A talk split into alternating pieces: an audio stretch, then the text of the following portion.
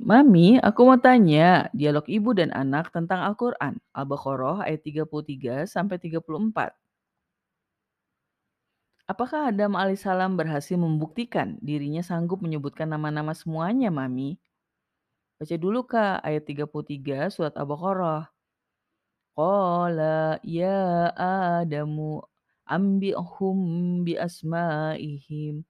Qala alam aqul lakum inni a'lamu ghaibas samawati wal ard wa a'lamu ma tubduna wa ma kuntum taktumun. Dia berkata, "Wahai Adam, beritahukanlah kepada mereka nama-nama benda itu." Setelah dia menyebutkan nama-nama itu, dia berkata, Bukankah telah kukatakan kepadamu bahwa aku mengilmui kegaiban langit dan bumi, dan aku mengilmui apa yang kamu nyatakan dan apa yang selalu kamu sembunyikan. Iya, Adam alaihissalam berhasil menyebut nama-nama semuanya, Kak. Tapi itu kan karena Adam alaihissalam memang diberikan ilmu, Mami, sedangkan para malaikat hanya dipaparkan nama-nama semuanya. Makanya itu, keputusan Allah Subhanahu wa taala memang tidak bisa diganggu gugat. Tapi setidaknya Allah Subhanahu wa taala memberikan ruang untuk makhluknya berargumen ya.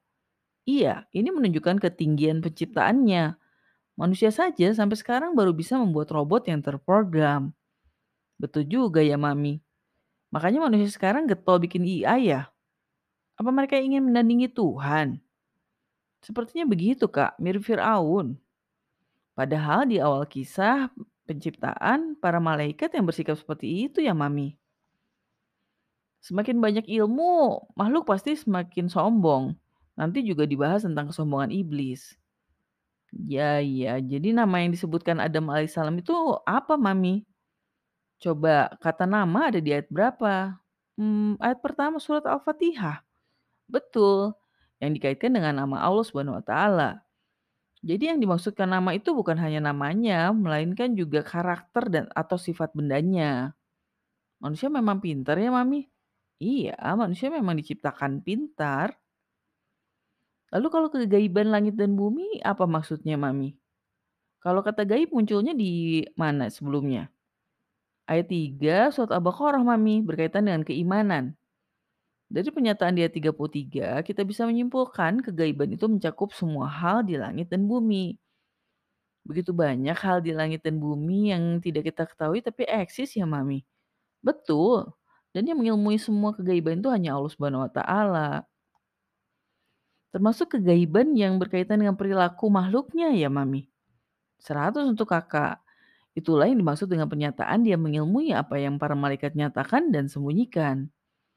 Para malaikat berarti seperti manusia juga ya, Mami. Padahal selama ini dikesankan mereka itu makhluk yang nurut-nurut aja ya. Kalau kita lihat dari yang dikisahkan di ayat 30 sampai 33 ini ya mirip-mirip saja, Kak. Lalu apa yang diperintahkan Allah Subhanahu pada para malaikat? Setelah Adam alaihissalam berhasil menyebutkan nama-nama semuanya, Mami. Baca dulu ayat 34-nya, Kak.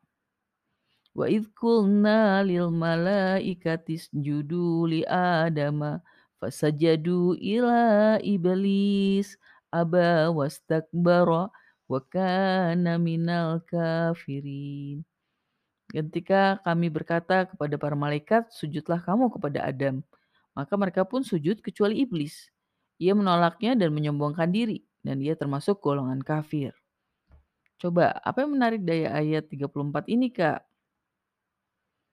Mengapa iblis sekali melanggar langsung dikategorikan kafir, Mami? Karena iblis menyombongkan diri, Kak. Padahal dia menyombongkan diri bukan kepada Allah Subhanahu wa taala kan, tapi sama manusia.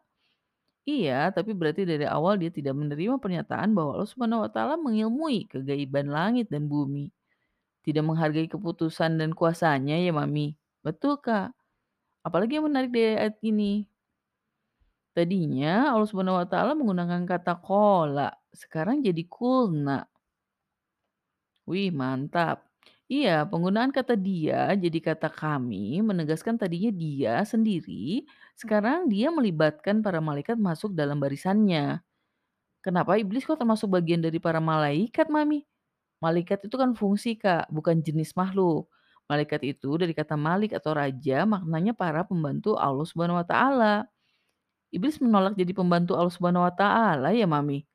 Iya, Kak, dia menolak mengurusi manusia.